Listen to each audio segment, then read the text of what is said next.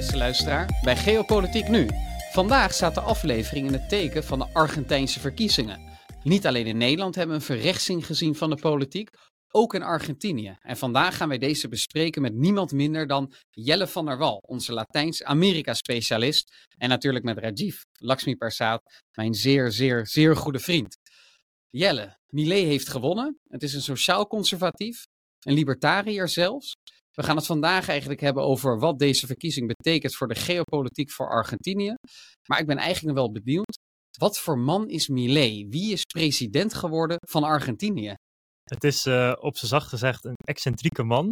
Uh, hij uh, is bekend geworden, ook in westerse media, met vrij radicale acties. Bijvoorbeeld het omhoog houden van een kettingzaag, die hij door de overheid zou willen halen en door de centrale bank van Argentinië. Hij heeft flink ingehakt op een piñata, wat weliswaar onschuldig is, maar toch vrij heftig uitzag, niet te stoppen. Dus het is iemand die, die houdt van grote gebaren in uh, politieke taal. Ja, dat, dat, dat, kun je wel zeggen. Met een kettingzaag bij het publiek, wat moet ik me daarbij voorstellen? Ja, op het dak van een, van een auto, van een busje. Uh, ja, op een plein. Om te laten zien uh, dat hij een radicaal einde gaat maken aan de gevestigde orde. Eigenlijk, dat is zijn, zijn grote boodschap. En dat is de boodschap waarmee hij de verkiezingen uiteindelijk ook heeft kunnen winnen. Zoals ik het begreep, dat hij echt met een kettingzaag door de overheid. Ik zag zijn filmpjes, ik vond het wel ja, leuk, grappig om te zien. Uh, hij vindt dat Argentinië is gekeken door allerlei overheidsregels, uh, overheidsinstanties, die volgens hem niks te maken hebben met het, ja, het verlichten en het versterken van de Argentijnse bevolking. Uh, en hij wil ook heel veel ministeries afschaffen. Ik had zo'n filmpje gezien dat hij een aantal ministeries op een rijtje had geplaatst. Of stickers met daar de naam van het ministerie erop. En dat hij er één voor één weg ging trekken. En schreeuwde met puta en andere scheldwoorden. Uh, hij heeft een hele eigen manier van, uh, ja, van campagne voeren. Hij weigert ook zijn... bedrijven, dat is wel ja. duidelijk. Het is uh, onorthodox, om het zo maar te zeggen. Ergens wel komisch, maar er gaat ook wel een serieuze boodschap van uit, denk ik. Wat is die serieuze boodschap die gesymboliseerd wordt door die kettingzaag en door stickers aftrekken waar ministeriële namen op staan? Ja, nou ja, je zei het al eerder, hij is een libertariër, dus uh, van traditie uit uh, zo klein mogelijke overheid. Uh, daarbij speelt een hele belangrijke rol dat de economie gewoon heel slecht draait. met ongelooflijke inflatie van rond de 150% afgelopen jaar. Ehm, sectoren die, die eigenlijk helemaal plat liggen. Um, dus dat moet met name hervormd worden. En het zit dan vooral in de Argentijnse peso, dus de munteenheid. Uh, daar zijn echt hele grote problemen. Afgezien van corruptie uh, en, en ja, een falende overheid in het algemeen. Zou je ja, ik zag dat Argentinië te maken heeft met 140% inflatie in het afgelopen jaar. En dat 40% van de bevolking onder de armoedegrens leeft. Dus het gaat best wel extreem slecht ja, het gaat extreem slecht en dat gaat het eigenlijk al uh, decennia lang als het gaat om de inflatie specifiek. Dus uh, Argentinië is een aantal keer failliet gegaan en dan houdt failliet gaan in dat je eigenlijk geen geld meer uit het buitenland kan lenen. Hè? Dus dan moet je uh, toch weer naar het IMF stappen om buitenlandse leningen aan te gaan. Nou, op het moment dat zelfs het IMF zegt, ja, dat gaan we niet meer doen omdat jullie je niet houden aan de voorwaarden of het gaat zodanig slecht nou, dat, het, ja, dat het nooit meer terugbetaald zal worden, dan houdt het dus op en dan ga je in feite failliet. Het is eigenlijk de grootste geldlening, toch? Van IMF, ja. had ik gezien. Dus ja. van alle landen in de wereld lenen zij het meest. Ja, met afstand. En ze zijn ook uh, naast het IMF op zoek gegaan naar andere geldschieters. Dus dan komen ze bij landen als Qatar uit om ook leningen aan te gaan. Dus ze proberen uh, in alle macht geld te toveren. Eigenlijk. En dan, eh, dan geven jullie aan, Rajiv en Jelle, Argentinië is dus al de grootste lener van het IMF. En normaal gesproken moet je dan heel grootschalige hervormingen doorvoeren in Argentinië. Waarom lukt dat niet? En wanneer was het laatste pakket vanuit het IMF aan Argentinië gegeven? Uh, dat gebeurt eigenlijk met, in stappen. Dus ehm, bijvoorbeeld begin van deze eeuw is er, is er ook weer een grote crisis geweest waar het IMF uh, geld geleend heeft. In 2014 is, is dat opnieuw gebeurd. Um, en het IMF geeft dan bijvoorbeeld een lening van zo'n 150 miljard dollar. Of euro, het scheelt tegenwoordig niet zoveel meer. En dat wordt dan stapsgewijs eigenlijk met hervormingen in de economie gebracht. Dus bij het behalen van bepaalde hervormingen. En dat zijn vooral neoliberale hervormingen. Het is vooral een neoliberaal instituut, IMF. Uh, daar is heel veel kritiek op vanuit de Argentijnen. En die hervormingen, uh, als die dan doorgevoerd worden, dan krijgen ze weer wat geld. Uh, maar dat is lastig, want zoals je aangeeft, de armoede is enorm. Dus dat neoliberale beleid komt gewoon keihard aan bij de Argentijnse bevolking. En het is een democratisch land, dus ze kiezen dan vaak voor een, een wat socialistisch ingegevener overheid. En dat botst automatisch bijna. En ik zag ook dat uh, bij het IMF, ik weet het van Suriname inmiddels, is inderdaad ze geven geld in tranches, zo noemen ze dat. Dus ik zeg maar wat, je moet 10 miljard lenen en je krijgt verdeeld over een periode van 10 jaar, dus 1 miljard per jaar. En er komt elk jaar een team langs om te beoordelen echt in een rapport, hoe staan jullie ervoor? En aan de hand daarvan bepalen ze hoeveel jij, of hoeveel procent jij van de volgende tranche krijgt. Dus vaak gaan ze niet voor de volle miljard zeggen, oké, je hebt een 7 als rapportcijfer, dus je krijgt dan 700 miljoen als het ware. Uh, gebaseerd op ja, inderdaad neoliberale afspraken. Maar wat ik me interessanter vind, is als je kijkt naar Argentinië. Ze stonden ook bekend als, of was heel lang een heel rijk land. Een tijdje waren ze zelfs, ik denk rond de 1920, 30, de tiende rijkste economie in de wereld. Buenos Aires, ik ben er zelf nooit geweest, ik denk jij wel. Staat ook bekend als het Parijs van Zuid-Afrika. Ja, Los van dat Zuid-Amerika, excuus. Los van dat Parijs wordt altijd gekozen als voorbeeldland. Saigon was Parijs van uh, Azië. Oké, okay, Buenos Aires, Parijs van Zuid-Amerika. Um, ik denk dat veel Argentijnen dat ook herinneren. Hoe is het eigenlijk heel kort gezegd zo, zijn zo afgegleden naar waar ze nu staan? Dat heeft, ja, dat is Als je het inderdaad... grote punten kan uh, uiteenzetten. Ja, je moet uh, eigenlijk denk ik beginnen bij Tweede Wereldoorlog, misschien al wel daarvoor. Het is een uh, heel dun bevolkt land. Het ligt redelijk geïsole geïsoleerd van de wereld eigenlijk, als je het uh, op wereldschaal bekijkt. Um, en ik denk dat Argentinië heel veel moeite heeft gehad om zich na de Tweede Wereldoorlog vooral te herstellen. Um, dat is gebeurd met uh, Perón. Dat is een hele belangrijke president geweest in de Argentijnse geschiedenis. En het Peronisme um, je, ja, is een stroming die vooral gebaseerd is op corporatisme. Uh, misschien dat dat ook enige uitleg uh, behoeft. Dus corporatisme, ja, dan heb je een soort burgerfora. Hè, waarbij je eigenlijk zegt, uh, bepaalde sectoren, bijvoorbeeld de landbouwsector of de industriële sector, krijgt een bepaalde stem. Dat is niet per se heel democratisch, maar dat komt. Peron heeft onder Mussolini in Italië een periode gezeten, teruggegaan naar Argentinië, heeft voor een deel ideeën meegenomen. Dus niet, ja, ook voor een deel socialistische ideeën, fascistisch, fascistisch, corporatistisch. En die combinatie van zaken heeft heel veel invloed gehad op de Argentijnse economie, ook tot vandaag de dag. Want zelfs de tegenstander nu van Milei, uh, Massa, wordt als een peronista gezien. En hoe ik het eigenlijk moet zien, misschien weet Michel er ook uh, meer van, is wat je duidelijk zag ook in Japan na de Tweede Wereldoorlog, ook Zuid-Korea en ook in India, is het tijd of het tijdgeest van we moeten sterk industrialiseren. Uh, de staat heeft niet alle middelen. Uh, dan moet je zien dat ze dan samenwerken met als het ware rijke industriële, rijke families om ja, industrieën echt conglomeraten op te richten. Dus dat je je echt met meerdere industrieën bezighoudt.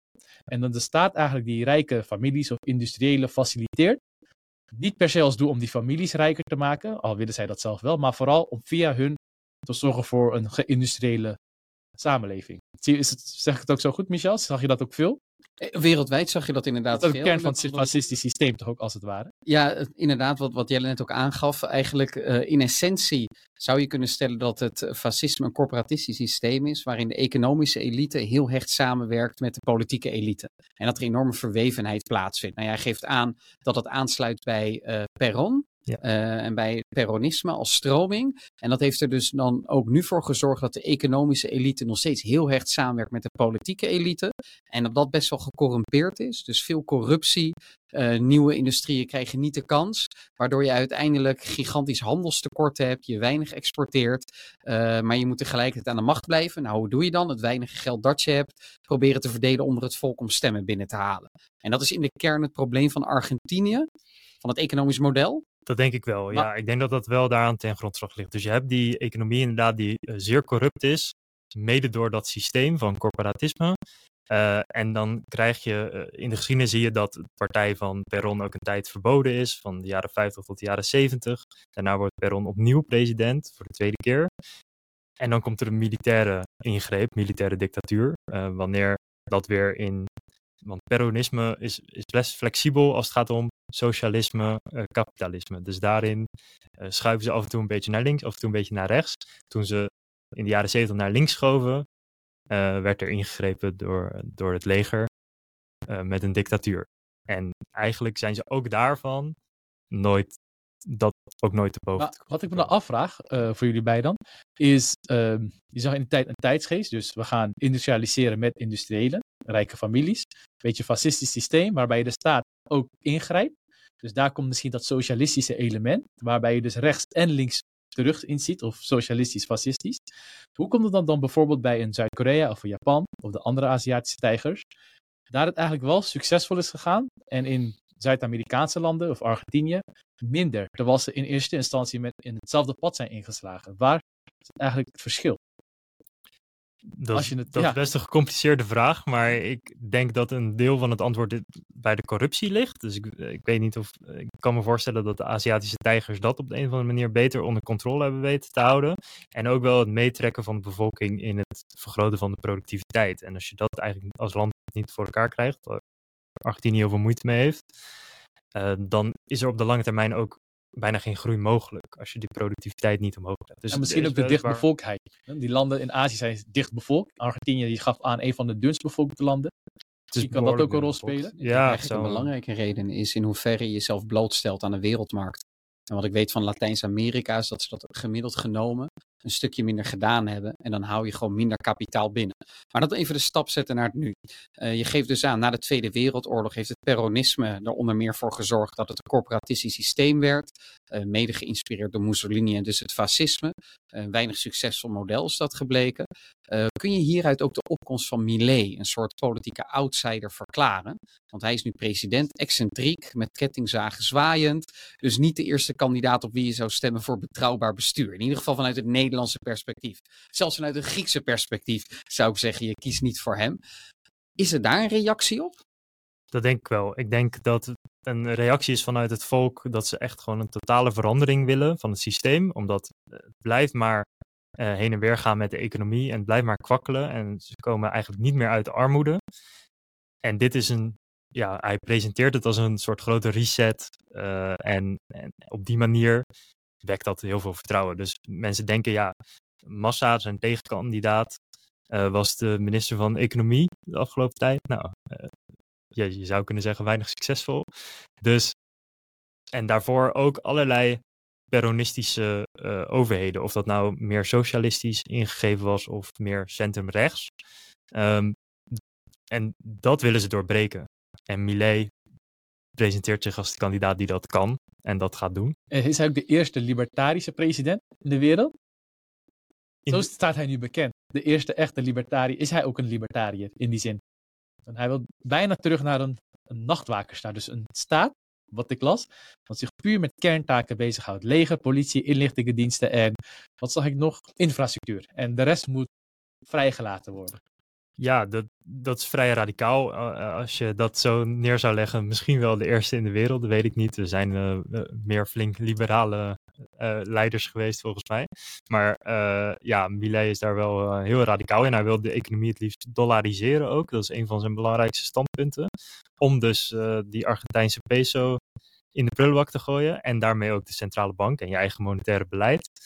Um, wat allerlei gevolgen heeft voor de handelsbalans ja, natuurlijk. Maar... Laten we even dieper ingaan op die politieke verhouding. Je geeft dus aan, er zijn drie grotere stromingen in Argentinië. Je hebt de meer centrum-linkse socialisten, de centrum-rechtse conservatieven. Beide zijn verslagen. De conservatieven al in de eerste ronde, uh, de socialisten in de tweede ronde. Uh, daar was Massa de leider van en Millet is nu uh, uiteindelijk de winnaar geworden. hij is president geworden, maar het waren ook parlementsverkiezingen. Hoe zien de verhoudingen eruit in het parlement? Heeft hij daar wel echt een mandaat om zijn beleid door te voeren? dat is heel beperkt. Dus daarom betwijfel ik ook hoeveel van die grote uitspraken hij daadwerkelijk waar kan maken. Het is okay. een zeer federaal systeem, Argentinië. Dus de provincies, de regio's, staten zijn heel belangrijk. Uh, daar heeft hij absoluut geen meerderheid in, in het grootste deel van de gebieden. Ehm, en ook in de Senaat heeft hij maar een beperkt aantal van de zetels. Dus, uh, Hoe, uh, kun je een indicatie geven van de helft van de zetels of 10%? Ik heb het er even bij gepakt. Het is, uh, hij heeft in de Senaat 7 van de 72 zetels. En in het Huis van Afgevaardigden 38 van de 257. Dus in de Tweede Kamer, naar Nederlandse termen, nog geen 15% van de stemmen. En in de Eerste Kamer nog geen 10%. Ik denk wel dat het daardoor heel moeilijk voor hem wordt om beleid door te voeren. Dus het afschaffen van ministeries, waar Rajiv net in het begin uh, het over had, namelijk uh, plak allemaal ministeries op een bord en schaf ze af. Dat gaat dus niet zomaar gebeuren. Nee, zeker niet. Maar... En in die uh, Senaat en in het Huis van Afgevaardigden en het congres ook, trouwens, zitten dus nog heel veel Peronistas. Maar ik denk dat het nog afhangt van hoe het presidentieel systeem is ingedeeld.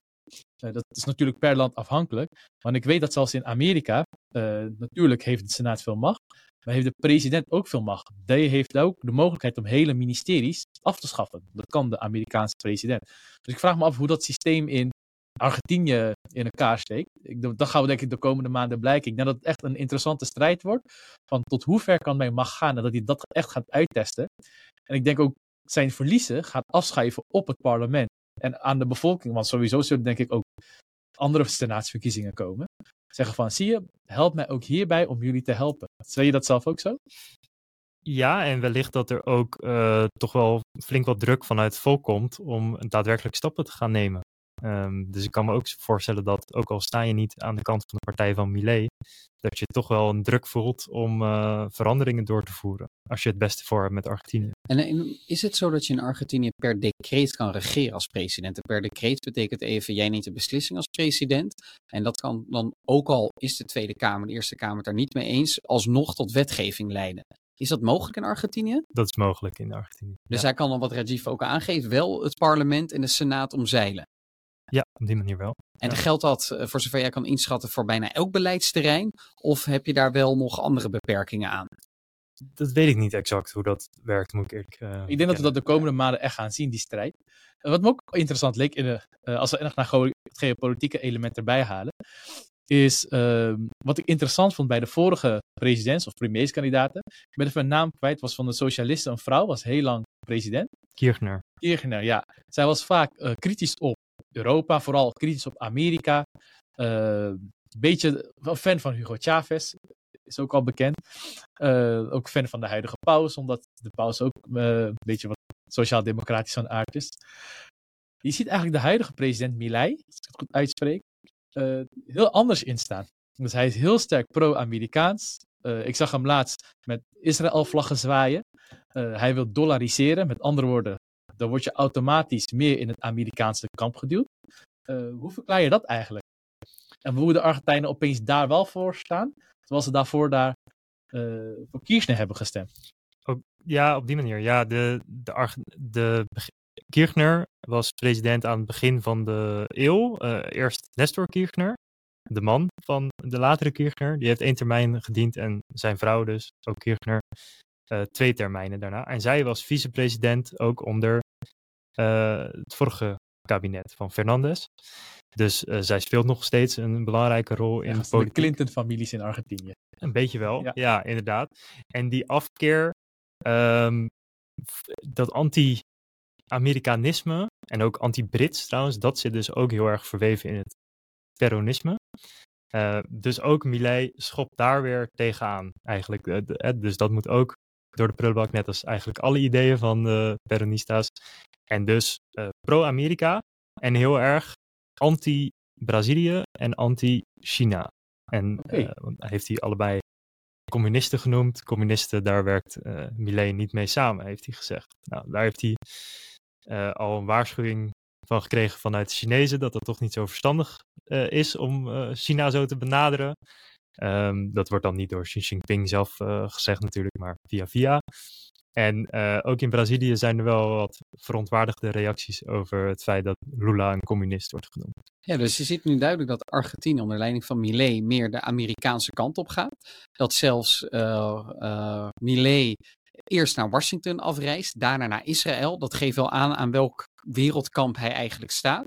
En dat hij Lula en China communistisch noemt. Maar het opvallende en ironische is dat Lula zich het afgelopen jaar het lablazerus heeft gewerkt eigenlijk om Argentinië bij de BRICS Plus te krijgen. Maar nu heeft hij dan op een bepaalde manier een paard van Troje binnengehaald. Hoe moet ik die verhouding tussen Millet en Lula eigenlijk zien en breder tussen Argentinië en Brazilië? De verhoudingen tussen Argentinië en Brazilië waren eigenlijk altijd heel goed. Uh, en zeker ook, dus vorige president uh, Fernandez van Argentinië was een linkse president. Paste heel goed bij Lula in dat opzicht. Uh, niet communistisch, maar wel socialistisch. En ehm, ja, ik zie niet in dat hij echt gaat doorzetten om niet meer met Brazilië samen te werken. Ik denk dat dat veel te ver gaat. Ik denk dat Argentinië wat dat betreft ook te afhankelijk is van Brazilië. Zit in de Mercosur. Um, Mercosur handelsovereenkomst uh, tussen vijf, zes uh, Midden- en Zuid-Amerikaanse landen. Ja, dus vrije handel van, uh, van goederen en vrij vervoer van personen. Eh, net als eigenlijk binnen de EU. zo moet je dat inderdaad zien. En, en ik zie niet voor me, ook een libertariër zou het vreemd zijn om daar echt korte metten mee te maken. En dus ze zullen afhankelijk blijven van Brazilië, denk ik. En China zullen ze niet te veel voor het hoofd willen stoten ook, want het is toch ook een erg belangrijke handelsvorm. Oké, dus hij verwacht wel een uh, verschil tussen Millet in campagnemodus en in regeringsmodus. En hij wordt nu steeds weer met de realiteit geconfronteerd dat je twee grootste handelspartners, uh, je die niet zomaar tegen in het harnas kunt jagen, want dan kom je wel met de gebakken peren te zitten. Dat denk ik wel, ja. Kan je, wat ik me ook afvroeg als je dan naar uh, Millet kijkt, hij wordt ook wel de Trump van Zuid-Amerika genoemd. Een soort van, denk ik, de opvolger van Bolsonaro. Um, stel als Bolsonaro, een hypothetische vraag, de president was van Brazilië. Denk je dat die twee wel dan beter met elkaar zouden opschieten? Dat denk ik zeker, ja. Dus, uh, en, en de vraag is natuurlijk of Trump eventueel volgend jaar weer, uh, of, twee jaar ja, dan, ik denk dat, uh, volgend jaar zijn de verkiezingen natuurlijk in de Verenigde Staten en Trump is weer een belangrijke kandidaat. Dat zou een enorme overwinning, denk ik, zijn voor, vanuit het oogpunt van Millet. Want uh, inderdaad, uh, Millet is iemand die meer hangt richting het kamp Bolsonaro-Trump dan Lula. Oké, okay, laten we nog heel even uitzoomen op de situatie. Nog los van Millet en wie aan de macht is, de Peronistas in Argentinië. Kun jij een schets geven van de grootste uitdagingen voor Argentinië geopolitiek gezien? Het is een geïsoleerd land uh, aan natuurlijk de Atlantische Oceaan.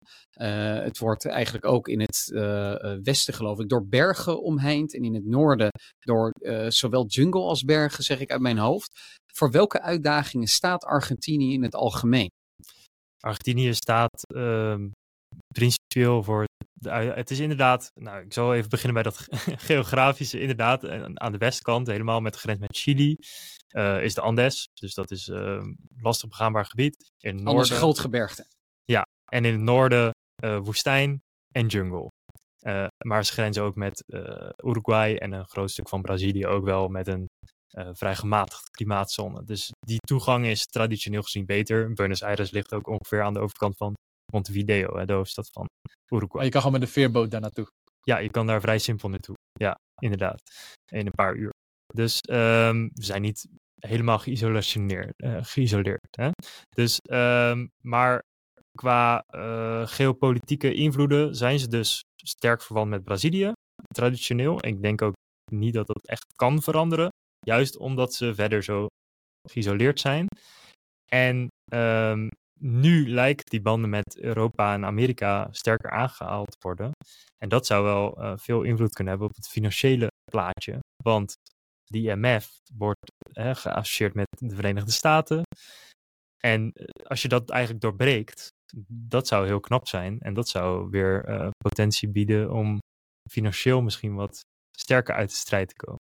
En wat is jouw voorspelling? Want inderdaad, Argentinië stond best wel bekend als Amerika en Europa kritisch land. Heel lange tijd. Inmiddels zijn ze dus de totaal andere kant op gegaan.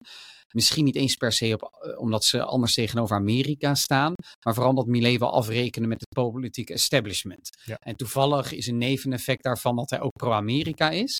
Maar denk je inderdaad dat een gematigdere deal met het IMF kans van slagen heeft? Eh, onder leiding van Millet? Dat denk ik wel, omdat um, Millet dus de libertariërs, de liberaal en uh, het IMF qua uh, hervormingen die ze graag zien in een economie ook uh, liberaal En dus in die zin denk ik dat daar wel iets. eh, Ik denk wel dat het wat technischer van aard is, omdat ik heb me ook een beetje ingelezen in hoe IMF eigenlijk met schuldproblematiek omgaat bij Griekenland. Eh, ook vanwege Suriname. Dus ik dacht, laten we even goed inlezen. Want je vroeg het zo vaak aan. Maar hoe zit het nou precies met de leningen? Ja, ik heb er Eh, heel vaak op doorgevraagd. Ja, dus ik heb, ik heb serieus gewoon echt de tijd genomen uh, afgelopen dagen. Om te kijken, hoe werkt het nou? Het is niet zozeer dat IMF volledig kan bepalen wat er met die leningen gebeurt. Uh, hoe het eerder is, is dat vaak heeft een land schulden bij derde partijen, landen, vaak bankiers of geldschieters, een Oppenheimerfonds, noem het maar op. Ja, land kan het niet betalen, gaat naar het IMF. En het is eerder zo dat het IMF gezamenlijk met het land, Argentinië en de geldschieters om de tafel zit. En dat Argentinië, of IMF bijvoorbeeld tegen de geldschieters zou zeggen: Weet je wat, we hebben een heel assessment, een heel onderzoek gedaan. Argentinië is in staat om inclusief rente misschien maar 80% van het hele bedrag te betalen. Dus jullie krijgen je volledig geld terug, maar minder rente. Dat is het advies. Als jullie daarmee ingaan, dus geef ik geld aan Argentinië uh, en zorg ik ervoor dat zij dat jullie kunnen betalen. En Argentinië moet in ruil daarvoor aan de Washington Consensus. Zijn tien punten. Fiscaal, uh, fiscale strengheid, uh, subsidies afschaffen. Corruptie tegen. Corruptie tegen maar ook het privatiseren van uitvoerende diensten. Nee, precies. Maar hiermee kan ik me voorstellen om toch het punt van Jelle wel te ondersteunen. Uh, ik kan me heel goed voorstellen dat de Peronista's hier falikant tegen zouden zijn. Terwijl Millet zoiets heeft. Nou, helemaal voorstander. Uit zichzelf is hij al voor het privatiseren van heel veel diensten. Ja, klopt. Dus maar misschien komt er dan wel wellicht sneller Ja, dus dan komt er een deal tussen IMF Argentinië en tegelijkertijd ook tussen Argentinië en de schuldeisers. Maar het is niet zo dat wie dan ook president is, dat IMF kan zeggen: oké, okay, we verlagen of verhogen de standaarden. Dat is vooral ook afhankelijk van wat de geldschieters willen. Zij moeten er vertrouwen in hebben of de nieuwe voorwaarden eraan voldoen. Zo niet, dan gaat het verhaal gewoon niet door. En Tuurlijk, ik denk dat ik dat ook wat iets technischer en misschien ook wat belangrijk voor de luisteraar om te weten dat dat een beetje zo speelt. Uh, Tuurlijk, het is ja. niet puur een politieke onderhandeling, dat ben ik echt met je Ja. eens. Maar ik denk wel twee dingen. Uh, wat ik net ook al aangaf, Millet is waarschijnlijk al hervormingsgezinder.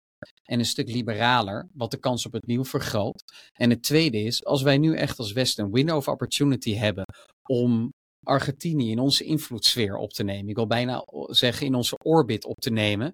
Dan ga je misschien ook even praten met die beleggers en met die investeerders van verlaag je standaarden maar. Of zeg maar gewoon even ja. Uh, tegen uh, een deal met, uh, met Millet. Omdat je daarmee definitief Argentinië misschien wel aan je zijde kunt hebben. Ja, dus ik kan me ook. voorstellen dat de gehele context wel een invloed heeft. Maar inderdaad, uiteindelijk gaat het er ook om wat voor hervormingen worden doorgevoerd. Maar jij geeft dus aan, wellicht is er een grotere kans op zo'n deal. Nee, ik zelf verwacht het eigenlijk ook wel. Maar dan is het grootste obstakel uh, eigenlijk dat, dat hij een minderheid heeft in de Argentijns parlement en in de Argentijnse senaat. Uh, Oké, okay, dat is dan, dan, dan helder voor mij. Kun je nog dieper ingaan op die economische situatie van Argentinië? Wat produceert Argentinië om er bovenop te komen? Want we kunnen het hebben over publieke sectorhervormingen. Maar uiteindelijk heb je ook gewoon een private sector nodig. Hoe zwak is de private sector van Argentinië? Ja. En waar kan Argentinië zich versterken? Of heel simpel, zoals ze zeggen, om de sterkte van een land te meten, hoe trots mensen ook over hun land praten, moet je ook doen. Gewoon altijd vragen, wat maakt je land? Behalve landbouw en mijnbouw. Dus wat je uit de grond haalt en wat je uit van planten haalt. Maar wat maak je? Ja, ze ma nou ja, je noemt nu twee sectoren die een groot deel van de export meteen uitmaken. Dus landbouw en uh, mijnbouw. Of uh, materialen, als je het zo wilt noemen. Dus olie en, en dat soort zaken. Um, verder is het redelijk geïndustrialiseerd land. Met uh, een aardige productie van auto's en vrachtwagens. Oké. Okay. Welke bedrijven maar zitten daar blijft het ook wel een beetje bij. Oké, okay, dus wel aardig geïndustrialiseerd. Ze hebben wat landbouw. Wat voor soort producten kun je een paar voorbeelden opnoemen of is het vooral vlees? Het is uh, voor een groot deel vlees, maar het is ook uh, sojabonen zijn uh, ook uit Argentinië heel populair. En het is een van de grootste producenten wereldwijd zelfs van graan. Ah, oké, okay, nou dat geeft ook wel een bepaalde macht. Ja, en wat ik zelf belangrijk vind, jij bent naar Argentinië geweest. om voor een land te zorgen dat ze echt van ontwikkelings naar het ontwikkelde land gaan. Los van of je in de agrarische mijnbouwsector of dienstverleningssector groot bent. Uh, is vooral de kracht om te innoveren in jouw gebied. Zie je dat gebeuren in Argentinië? Of zeg je, ja, daar is de bevolking misschien niet klaar voor. Of ze hebben de cultuur niet van onderwijs. Of die kant op te willen gaan? Ik denk dat dat met de jaren steeds lastiger is geworden, omdat heel veel mensen die uh, succes nastreven vertrekken uit Argentinië. Dus dat is natuurlijk een groot probleem voor de economie. Um, dus het menselijk kapitaal is voor een deel verdwenen, denk ik. Uh, anderzijds, het is een, ja, als je het hebt over de bevolkingsverdeling bijvoorbeeld, dan woont een heel groot deel van Argentinië in Buenos Aires. Dat is een verreweg de grootste stad. Hoe groot ongeveer? Uh, ik geloof wel rond de 10 miljoen inwoners. Van de in totaal 40 miljoen van Argentinië. Ja, dus een kwart woont in Buenos Aires. Ongeveer een kwart. Dus je hebt eigenlijk Argentinië is Buenos Aires en dan de Argentijnse leegte. Ja, dus nou ja, daar zit, dat, trekt, dat is ook gunstig op een bepaalde manier natuurlijk, vooral voor de dienstensector. En ook wel uh, om kapitaal dus te hebben op, op een hele gecentraliseerde plek. Dus voor bedrijven kan dat interessant zijn. Uh, en ook wel voor industrie. Maar verder is het een uh, vooral leeg land, dat het dus heel erg moet hebben van de landbouw. Oké, dus de innovatiekracht is relatief beperkt. Uh, ze exporteren met name sojabonen, vlees en graan. Uh, en in enige mate industriële producten zoals auto's en vrachtwagens. Ik ben even benieuwd, is er een bekend bedrijf actief in, uh, in Argentinië dat die vrachtwagens en auto's produceert? Um, ik, zou, ik weet niet of er een specifiek bedrijf is. Het zijn vaak gewoon Europese, Amerikaanse, denk geen Aziatische eigenlijk, autobedrijven die daar modellen laten produceren. En dus ah. zo moet je het vooral zien. Ah, oké. Okay. Ja, dus de innovatiekracht, om antwoord te geven op je vraag, ligt dus ook niet daar. Uh, ik hoop dan dat Millet dat inderdaad voor elkaar kan gaan krijgen. Als je kijkt naar het onderwijssysteem van Argentinië, want ik realiseer mezelf steeds meer dat dat een gigantische invloed heeft op hoe een land uiteindelijk presteert. Hoe ziet dat eruit? Dat is um, het publieke onderwijs wel sterk verbeterd. Um, onder Kirchner onder andere. Uh, dus in die zin hebben ze wel een stap gemaakt. Maar er is nog een groot onderscheid tussen privaat onderwijs en publiek onderwijs. Dus dat, ja, dat maakt dat ook dat uh, elitaire binnen de economie en dat de economische sectoren ook in handen zijn van een kleine groep. Uh, dat zie je ook weer terug in het onderwijs. Dus er is een uh, beperkte, wat elitaire groep die privéonderwijs kunnen veroorloven. is het net zo ongelijk als Brazilië? Of minder? Ja, vergelijkbaar. Vergelijkbaar. Ja. En even laatst over de, nou, over demografie. Ik vroeg me af, in hoeverre heeft dat een rol gespeeld in Argentinië? Heb je daar ook, net als in Brazilië, een grote zwarte bevolking, indianenbevolking, mulatte, mestize bevolking? Nee, nee, heel weinig. Ja. Um, het is, uh, de uh, bevolking is vooral van Europese oorsprong. Uh, en Argentinië is natuurlijk ook wel bekend wat betreft veel Duitsers die erheen zijn gegaan. Maar de bevolking bestaat vooral uit Italianen en Spanjaarden van oorsprong. Uh, dus het is een vooral witte bevolking. Maxima is, is best wel een representatief voor Argentinië. Dus dat zou je misschien niet zo snel verwachten aan, aan de andere kant van de wereld. Um, maar ja, zo zien mensen en er wel uit. Zien zij zichzelf ook als, eigenlijk als Europeaan? Wat ik me wel een deel kan voorstellen. Voor een deel wel. Vaak zijn mensen wel trots op hun uh, Europese oorsprong, of überhaupt op hun oorsprong, ook als ze niet Europees zijn trouwens. Uh, maar uh, de Argentijnse cultuur is ook wel sterk. Ja, want ik kan herinneren dat een tijdje geleden een soort discussie of een uh, ja, discussie was dat de vorige president of daarvoor zei tegen de Europese commissaris, die was dan op uh, bezoek gekomen en die ging hem met helemaal open armen ontvangen. Hij zei, ja, wij zijn niet als die andere landen, als Brazilië, wij zijn ook Europees. En blank Europees. En uh, hij verwachtte ook dat ze dat als een ja, compliment zouden zien. Maar die Europese commissaris dacht van, hm, had het liever niet zo gezegd. Nee, dat, dat kan gevoelig liggen inderdaad. Ja. Maar dat is, een, uh, ja, dat is toch een bepaalde trots die daar dan leeft. Inderdaad, omdat bevolking vooral wit is. Ja.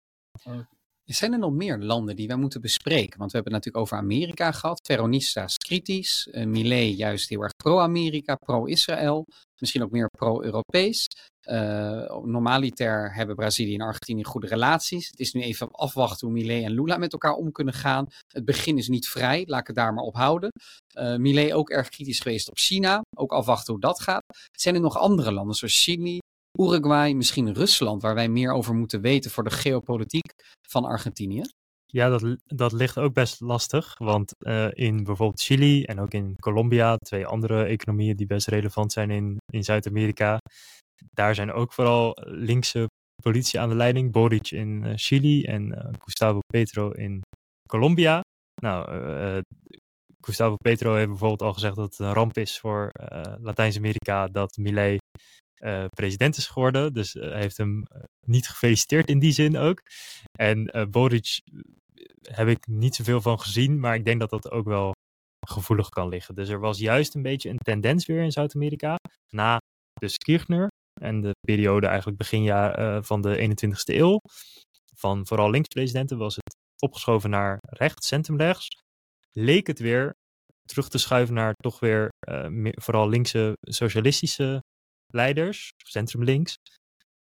En Millet is daar een, een uh, vreemde eend in de bijt. Ja. Ah, dus eigenlijk eerst hadden we een soort beweging naar links toe. Begin van deze eeuw, tien jaar later, vanaf 2010 ongeveer, het zal niet precies zo zijn, weer een verschuiving naar rechts. En inmiddels zien we dan weer een verschuiving naar links toe in de meeste Zuid-Amerikaanse landen. Maar Millet die uh, breekt eigenlijk met die tendens. Ja. En dan is de vraag, wat doet dat met de relatie tussen Argentinië uh, en Chili en tussen Colombia en Argentinië? Uh, ben ik nog even benieuwd naar Uruguay, een van de weinige buurlanden van Argentinië. Hoe ziet die relatie eruit? Want daar hebben ze dan weer meer open grenzen mee. Uh, daar kun je gemakkelijker naartoe. Hoe is die relatie? Die relatie is goed, uh, maar toeval wil dat eh, Uruguay vrijwel hetzelfde produceert als Argentinië. Dus qua handelspartners ja, kun je afvragen hoeveel daar te halen is. Het is ook een land dat vooral een vleesindustrie heel sterk heeft. Uh, en ook wel redelijk geïndustrialiseerd. Het is wel uh, vele malen stabieler in Uruguay, ook politiek. Um, de relatie is in principe goed, maar Uruguay is een vrij klein land met een bevolking van 5 tot 6 miljoen mensen. Dus ja, of Argentinië het daarvan moet hebben, betwijfel ik. Nee, dus goede relatie, maar economisch te klein om uh, van betekenis te zijn voor Argentinië. Ik denk, wat je helaas, ik net als daar, daarmee kunnen afsluiten. Uh, wat, je, wat jammer ook is, wat je veel van dit soort regio's ziet, is waarom ze eigenlijk maar niet opkomen, als het ware. Toch, want lang werd gedacht, na Amerika zal vooral Zuid-Amerika groeien, maar het is naar Oost-Azië gegaan, naar de Aziatische tijgers. En daarna weer verder naar het oosten opgeschoven, naar India en dergelijke. Uh, ik denk dat het komt ook als ik naar de geografie kijk uh, van Zuid-Amerika, is dat het eigenlijk best wel eilanden zijn. Ja. Vergeleken met Europa. Europa heb je ook verschillende volkeren, uh, maar we zijn toch best wel dicht op elkaar. Europa is een dichtbevolkt continent.